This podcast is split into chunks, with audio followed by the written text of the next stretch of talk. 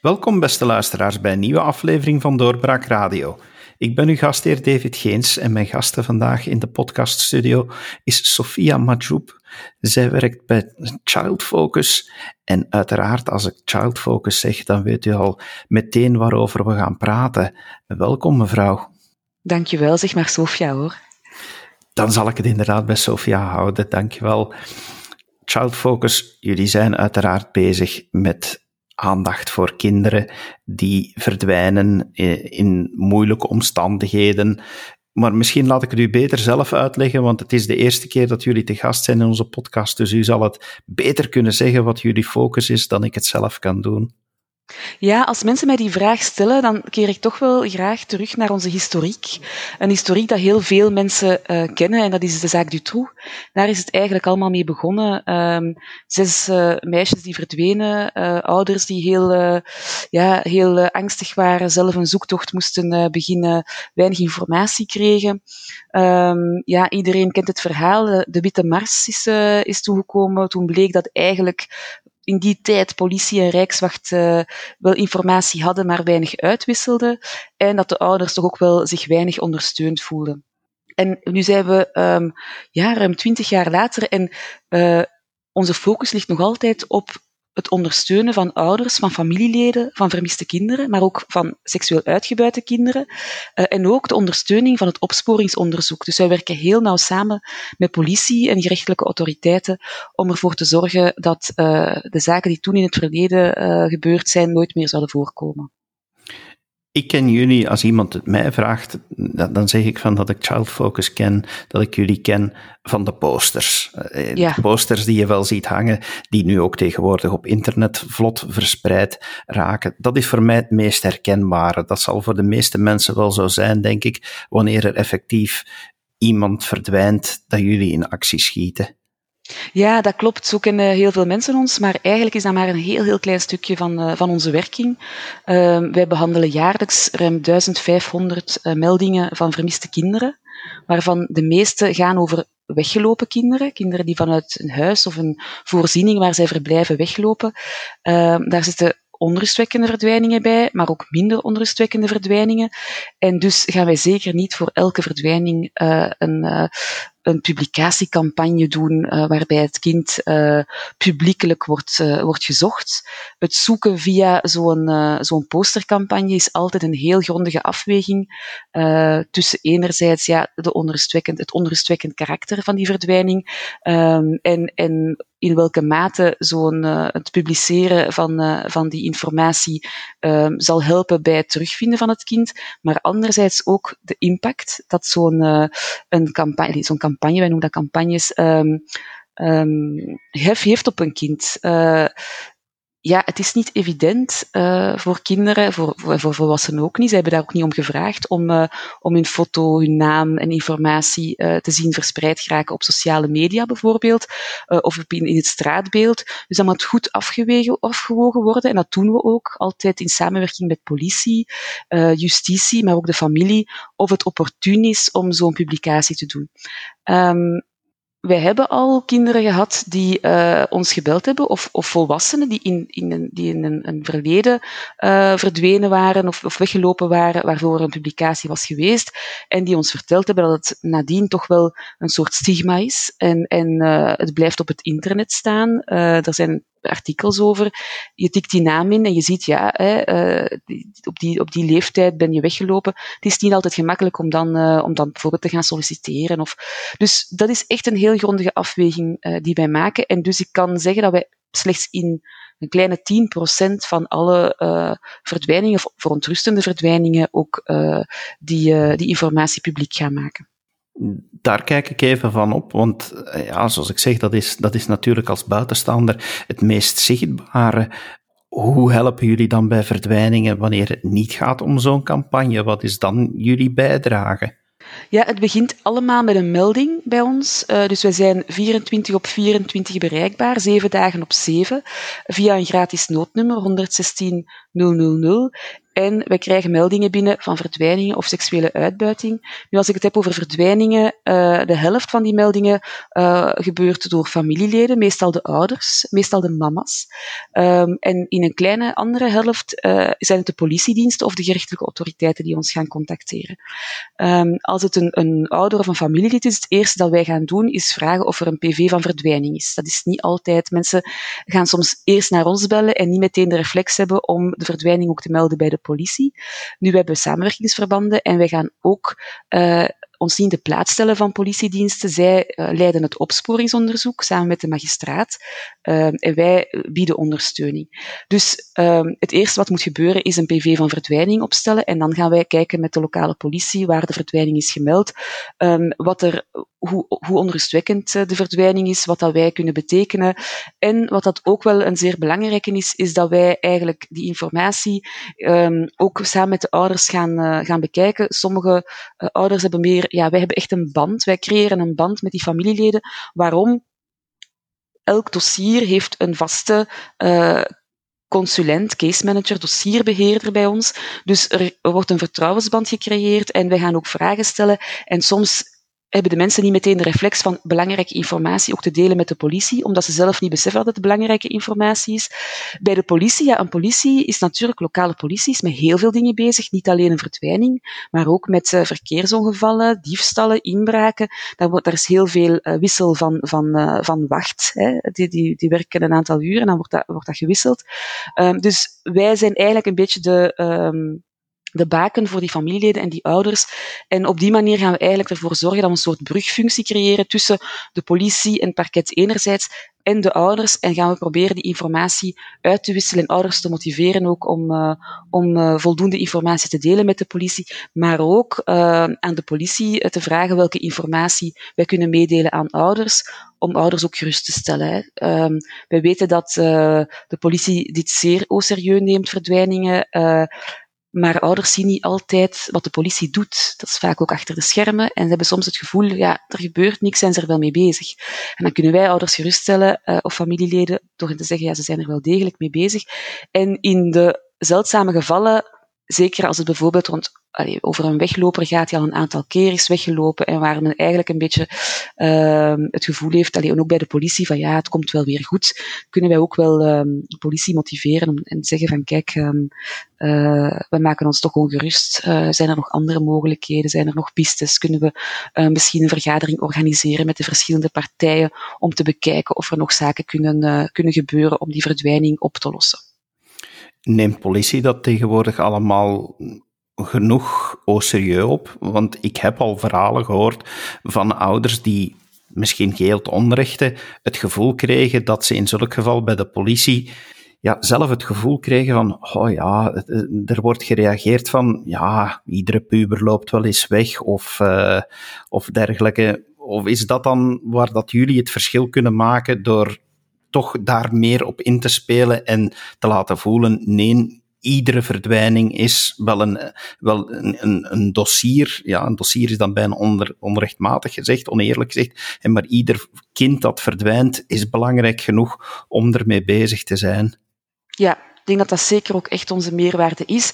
En inderdaad, um, ik zeg het zijn zeldzame gevallen, maar het gebeurt wel degelijk uh, dat ouders het gevoel hebben dat er uh, weinig uh, gebeurt zoals ik al zei, dat kan een gevoel zijn, omdat ze te weinig informatie krijgen, waardoor dat het gevoel versterkt wordt van er gebeurt niks mee en ze nemen het niet serieus, terwijl dat misschien echt wel gebeurt en dan kunnen wij daar ook hen in geruststellen, omdat wij die rechtstreekse contacten ook hebben.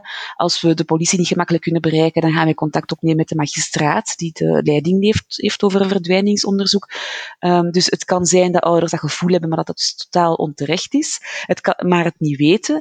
Het kan ook zijn, en dat, dat, ja, in, in, um, in zoals ik al zei, van weglopers die regelmatig uh, eens uh, te laat thuiskomen enzovoort, dat het, ja, dat, het, uh, dat het inderdaad minder serieus wordt genomen. En ook daar, zoals u zegt, gaan wij ervoor zorgen dat het wel degelijk, dat alle, alles gebeurt dat moet gebeuren, omdat, um, ja, we willen natuurlijk niet fatalistisch zijn en verdwijningen willen we zeker ook niet uh, problematiseren. Uh, want uh, weglopen is vaak voor kinderen ook een manier om rust te vinden, om moeilijke situaties letterlijk te ontvluchten, maar een soort time-out te creëren voor zichzelf. Vandaar dat we, we ook mensen willen geruststellen dat een verdwijning en, en het weglopen van kinderen niet altijd super problematisch hoeft te zijn, maar het is niet, het, het is niet de ideale manier om rust te vinden. Hè. Men kan uh, zaken tegenkomen. Het is niet evident om, uh, om te overleven um, als je weggelopen bent. Dus we proberen dan ook via allerhande um, preventieinitiatieven en, en trainings enzovoort uh, ervoor te zorgen dat, um, dat er misschien alternatieven komen voor die, die het, het ontvluchten van, van problemen. maar dat het altijd serieus moet genomen worden, want er zijn genoeg ja, voorbeelden van van zaken waarvan men zelfs soms denkt het is een typisch wegloopgeval en uiteindelijk bleek het toch geen wegloopgeval te zijn. Of uh, kinderen die zichzelf, die zichzelf in risicovolle situaties uh, brengen.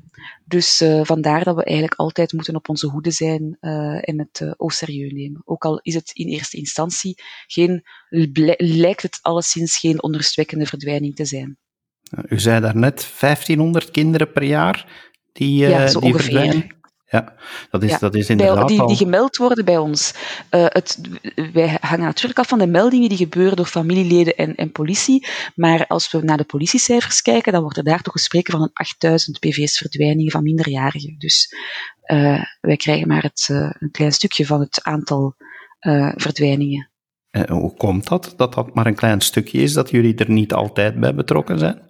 Ja, wij hangen, er is geen verplichting om, uh, om een verdwijning te melden bij Child Focus. Dus uh, ouders hoeven hele, zijn helemaal niet verplicht om een verdwijning te melden. Als het politie het weet, politie is dat ook niet verplicht. We hebben wel afspraken met de politie dat als het gaat om een onrustwekkende verdwijning, dat zij ons contacteren. Nu, er zijn ook gevallen van uh, verdwijningen uit een voorziening bijvoorbeeld um, van een, een, een, kind dat te laat, een nachtje wegblijft uh, en waarvan dat de opvoeders misschien wel um, vermoeden dat, er, uh, dat die ergens naartoe is gegaan, naar een vriendje of gelijk wat, die daar wel PV opstellen van, bij de politie, omdat dat hun manier is van werken, maar niet meteen childfocus inschakelen, omdat zij denken van ja, oké, okay, allee, als, als, als hij of zij morgen terug is, uh, dan is dat eigenlijk een beetje een, uh, allee, dan, dan verwachten we dat wel. En mocht het een nacht extra, dan gaan we misschien Childfocus wel contacteren. Dus er zijn eigenlijk heel wat verschillende soorten en vormen ook van verdwijning. Vandaar dat, uh, dat wij niet van alle verdwijningen op de hoogte zijn.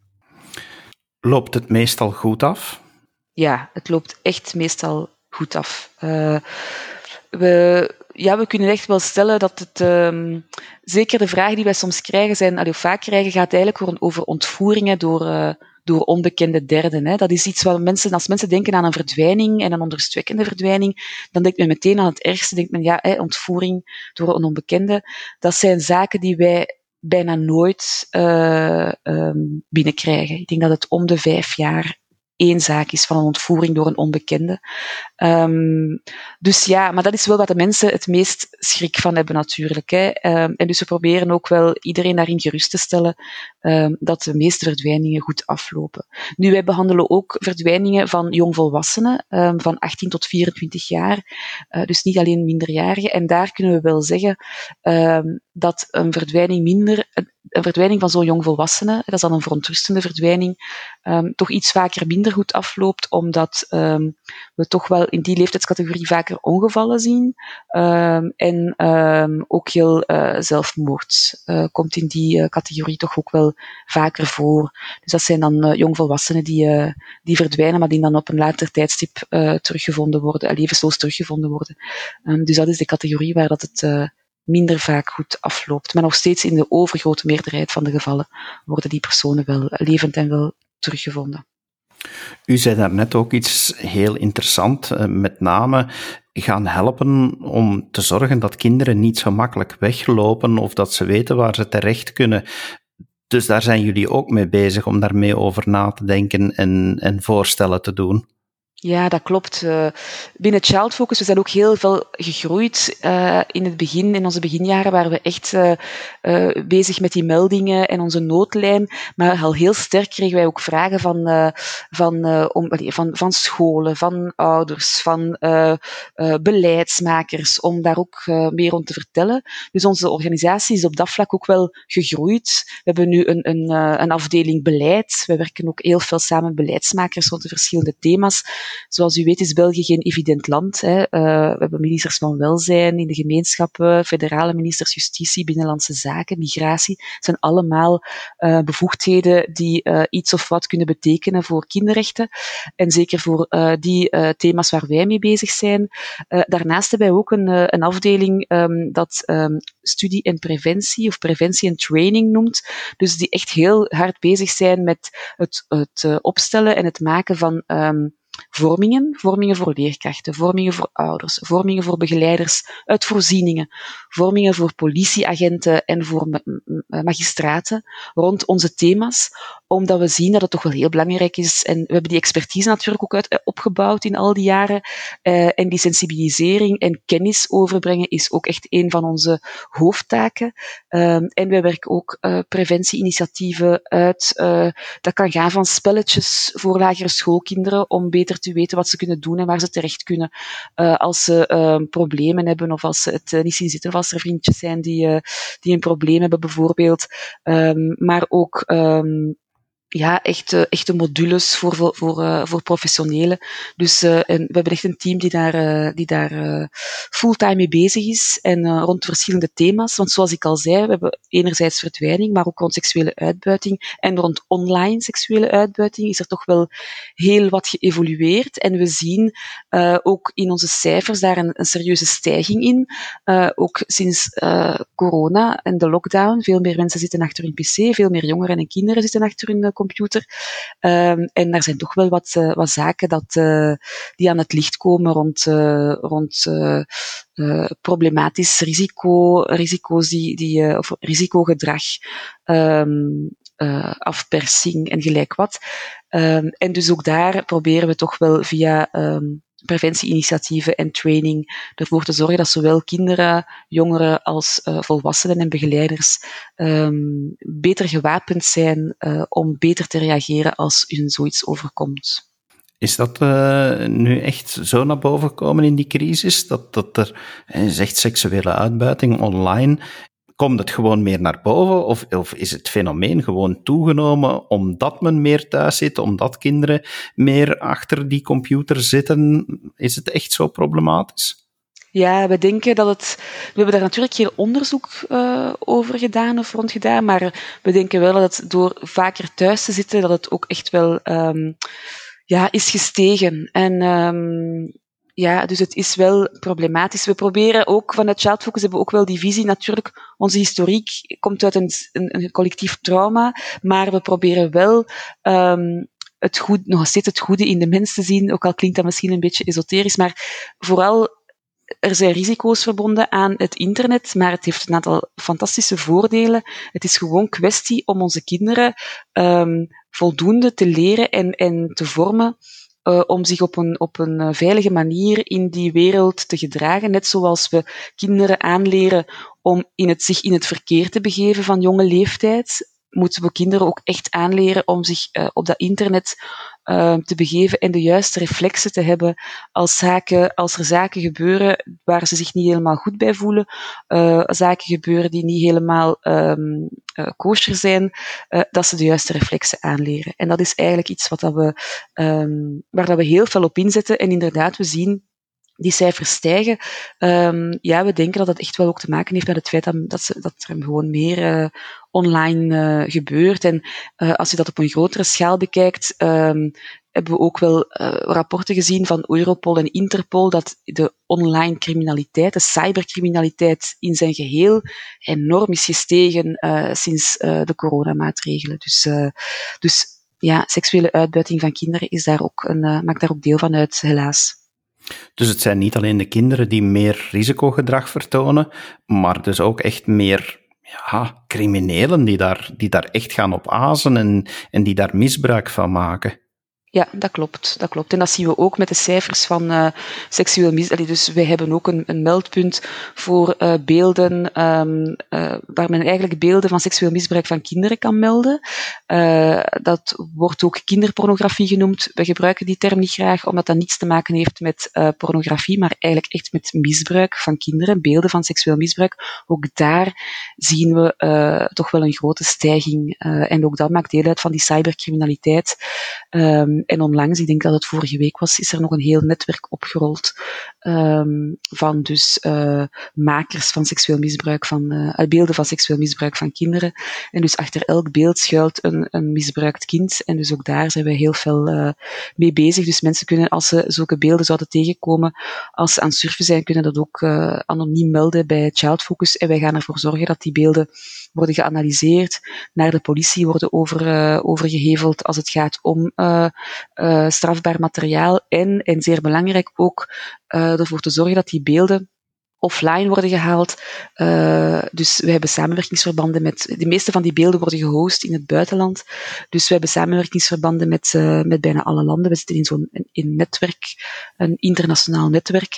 En dus we kunnen vragen aan de um, operatoren om die beelden weg te halen offline te halen. Is dat ook een van jullie taken om actief op zoek te gaan naar, uh, naar zulke smerige misbruikfoto's? Ik kan, ik kan er bijna niet, niet genoeg adjectieven op plakken als dat in mijn hoofd komt. Maar, uh, maar, maar, is dat een actieve taak voor jullie om, om dat ook echt van het internet af te krijgen? We gaan het actief proberen van het internet af te krijgen, maar we gaan daar niet actief naar op zoek. Dat is ook wettelijk zo geregeld dat dat, dat, dat niet mag. Men mag niet op zoek gaan naar zulke beelden als um, burger. Hè, dat zijn we nog steeds. Dus het is echt het werk van de politie om uh, op zoek te gaan naar, naar beelden. Wat we wel aan het, uh, aan het doen zijn, en de technologie staat natuurlijk niet stil. Er zijn uh, systemen, online systemen, om het, om het ja, dat zijn webcrawlers, ik probeer een beetje technisch te worden, maar um, die echt op zoek, die, die, een technologisch systeem dat op zoek gaat naar dergelijke beelden en die die ook wel uh, gaat melden en zelf on, offline halen. Dus er bestaat nu, er bestaan een aantal van die systemen en die worden telkens maar beter en beter. En nu zijn we aan het samenwerken met, uh, met um, Canada, die zo'n systeem heeft opge, uitgewerkt en waar we graag dat systeem ook zouden willen gebruiken. De bedoeling is dat we dat ook gaan gebruiken uh, hier in België, om op zoek te gaan naar gekende beelden hè, um, en om op zoek te gaan naar nieuwe beelden en die ook offline te halen. En het voordeel daarvan is dat er dan geen mensen moeten kijken naar die smerige beelden, zoals u zegt, want dat is ook natuurlijk uh, een zeer moeilijke job. Hè. Een aantal van mijn collega's die, uh, die doen dat en dat is, uh, dat is zeker niet evident om zo'n werk te doen. Um, en dus ja, hoe meer dat we dat kunnen overdragen naar, naar technologie, hoe beter eigenlijk. Hè. We hadden het nu al over ja, toenemen van, van die online misdrijven in de coronaperiode. Maar lopen kinderen nu ook vaker weg? Is het voor hen moeilijker geworden om door die lockdown zo vaak opgesloten te zitten of het gevoel te krijgen van opgesloten te zitten? Heeft dat ook een gevolg op kinderen die, die weglopen? In onze cijfers hebben we een daling gezien van de verdwijningen, wat dat ergens logisch is, omdat men ook niet echt buiten mocht. Er zijn weinig plekken waar men naartoe kan. Alles was gesloten. Wat we wel gemerkt hebben, is de, de meldingen van, uh, die binnenkwamen, dat het toch wel ging over um, dat kinderen psychologisch ook wel echt moeilijker hebben. Die, dat hebben we wel gezien. Een stijging van het, uh, van het, het psychologische um, ja, kwetsbaarheden en, en het zeer moeilijk hebben om, om een uitlaat, uitlaatklep te vinden. In die periode. Dus het aantal verdwijningen is wel gedaald, maar het, de, de zwaarte van de problematieken is wel gestegen als ik zo'n beetje door persberichten aan het bladeren was, zag ik op een gegeven moment ook wel uh, een heel interessante oproep van jullie. Iedereen een max. Uh, ja. wat, wat, wat wordt daarmee bedoeld? Ja, wel, dat is ook een, uh, een initiatief van onze preventieafdeling. En dat gaat inderdaad over hè, kinderen op jonge leeftijd te leren dat ze met hun problemen ergens terecht kunnen.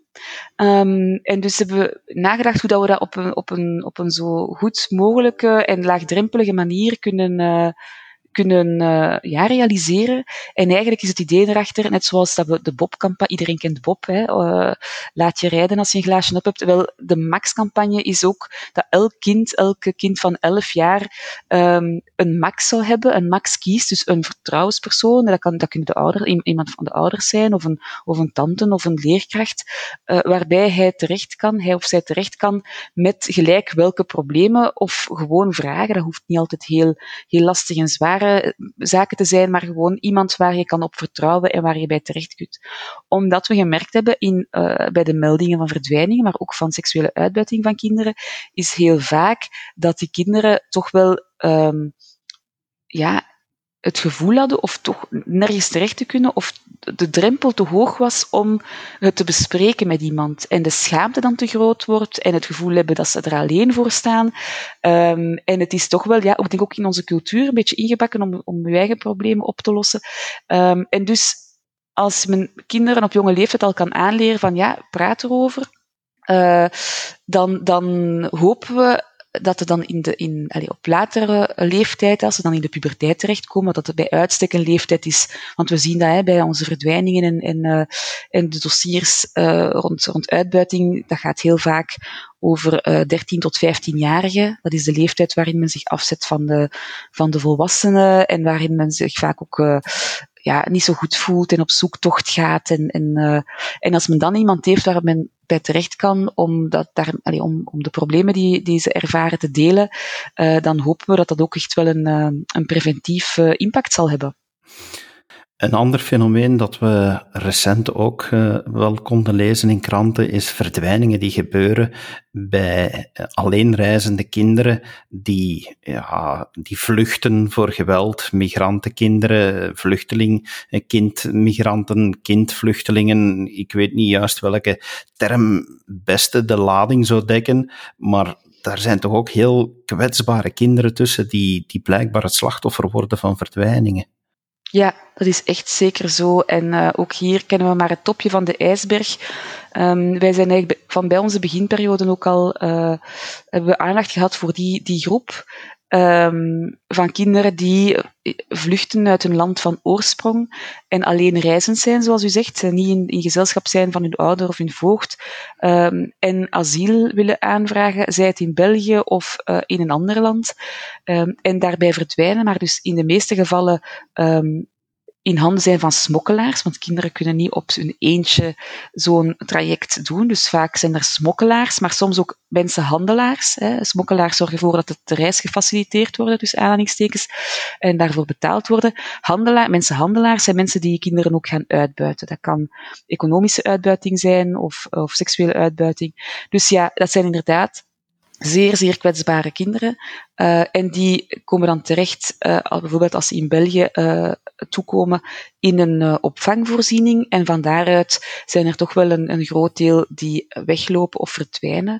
Um, en dus ja, ook wij, wij, voor ons is elk kind heeft elk kind dezelfde rechten. Niet alleen voor ons, voor België. We hebben toch, België heeft ook het kinderrechtenverdrag ondertekend en geratificeerd. Dus er is geen enkele reden waarom het, een verdwijning van een kind dat uh, um, alleen reizend is of niet begeleid, zoals we het uh, noemen hier, niet begeleide minderjarige kinderen, um, dat die op een andere manier, die verdwijning zal behandeld worden als een Belgisch kind.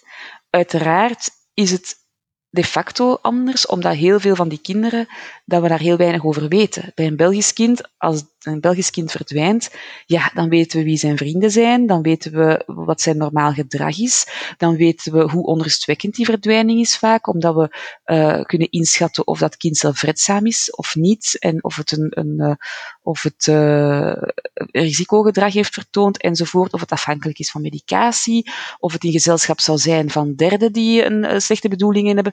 Bij kinderen die uh, ja, alleenreizend zijn, vaak verdwijnen die heel snel na aankomst en hebben we zeer weinig zicht op hoe kwetsbaar is dat kind, wat, welk gevaar loopt dat kind, uh, Dus ja, en met we bedoel ik vooral de politie, want het is uiteindelijk de politie die uh, die, die zoektocht zal, uh, zal moeten aanvatten. Um, dus ja, wat gebeurt er? De begeleiders van zo'n opvangcentrum, die zullen dan de, bij de politie een melding doen van verdwijning. En dan moet de politie ja, vaak zoeken naar een naald in een hooiberg. Gelukkig, ja, de meeste van die kinderen krijgen een voogd toegewezen als ze in België terechtkomen, zeer snel meestal al. Dus het is ook de voogd die eigenlijk een beetje de rol van de ouder zal opnemen en ook ervoor moet zorgen dat er naar dat kind gezocht wordt. Er zijn een aantal problemen als het gaat over, uh, over uh, dat soort verdwijningen. En, en een van de grootste, ja, misschien twee grote uh, aanbevelingen die wij hebben daar rond toelichten. Enerzijds het gebrek aan informatieuitwisseling, zowel nationaal, maar ook internationaal. ja, Sommige van die kinderen worden ook niet internationaal geseind als ze verdwijnen. Dus ja, daar heb je ook weinig aan. Als ze ergens terechtkomen, dan gaat er zelden informatie terugkeren naar het land waar ze geseind staan als verdwenen. Dus veel van die kinderen kan je zeker van zijn dat ze al als verdwenen worden, werden geseind in bijvoorbeeld Griekenland, maar ook in Frankrijk en in België. En er is geen uitwisseling van informatie. Het probleem daarbij is dat daardoor heel veel energie verloren gaat naar kinderen die misschien wel al terecht zijn en dat men daardoor de kinderen die echt van de radar verdwenen zijn, dat die daardoor, uh, ja, dat we daardoor ook uh, uh, misschien te weinig tijd en middelen kunnen steken in die kinderen waar er echt sprake is van een verontrustende situatie. Dus wij pleiten om, voor informatieuitwisseling, om ervoor te zorgen dat we ons kunnen concentreren op die kinderen waarvan, dat er, uh, ja, waarvan dat we echt ongerust zijn en die, uh, die echt blijken van de aardbol verdwenen te zijn en die dus zeer vatbaar zijn voor mensenhandel. De andere zaak waarvoor we voor pleiten is een betere opvangstructuur. Zeker als het om kinderen gaat waarvan het risico groot is dat ze zullen verdwijnen. En daar kan je een aantal ja, criteria voor opstellen. Dat die kinderen waarvan men vermoedt dat er een grote kans op verdwijning is, dat zij naar opvangsystemen gaan waar echt zeer aanklampend wordt gewerkt. Um, en waar men bijna één op één, zeker in de begindagen, met dat kind, um, gaat, dat kind gaat begeleiden en uh, ook de juiste informatie geven. De meeste van die kinderen hebben informatie gekregen van hun mensensmokkelaars.